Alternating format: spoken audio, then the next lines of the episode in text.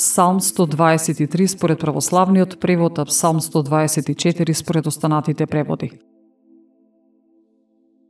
Да не беше Господ со нас, нека каже Израел. Да не беше Господ со нас кога луѓето се кренаа против нас, живи ке не проголтаа, кога пламна нивната јарост против нас.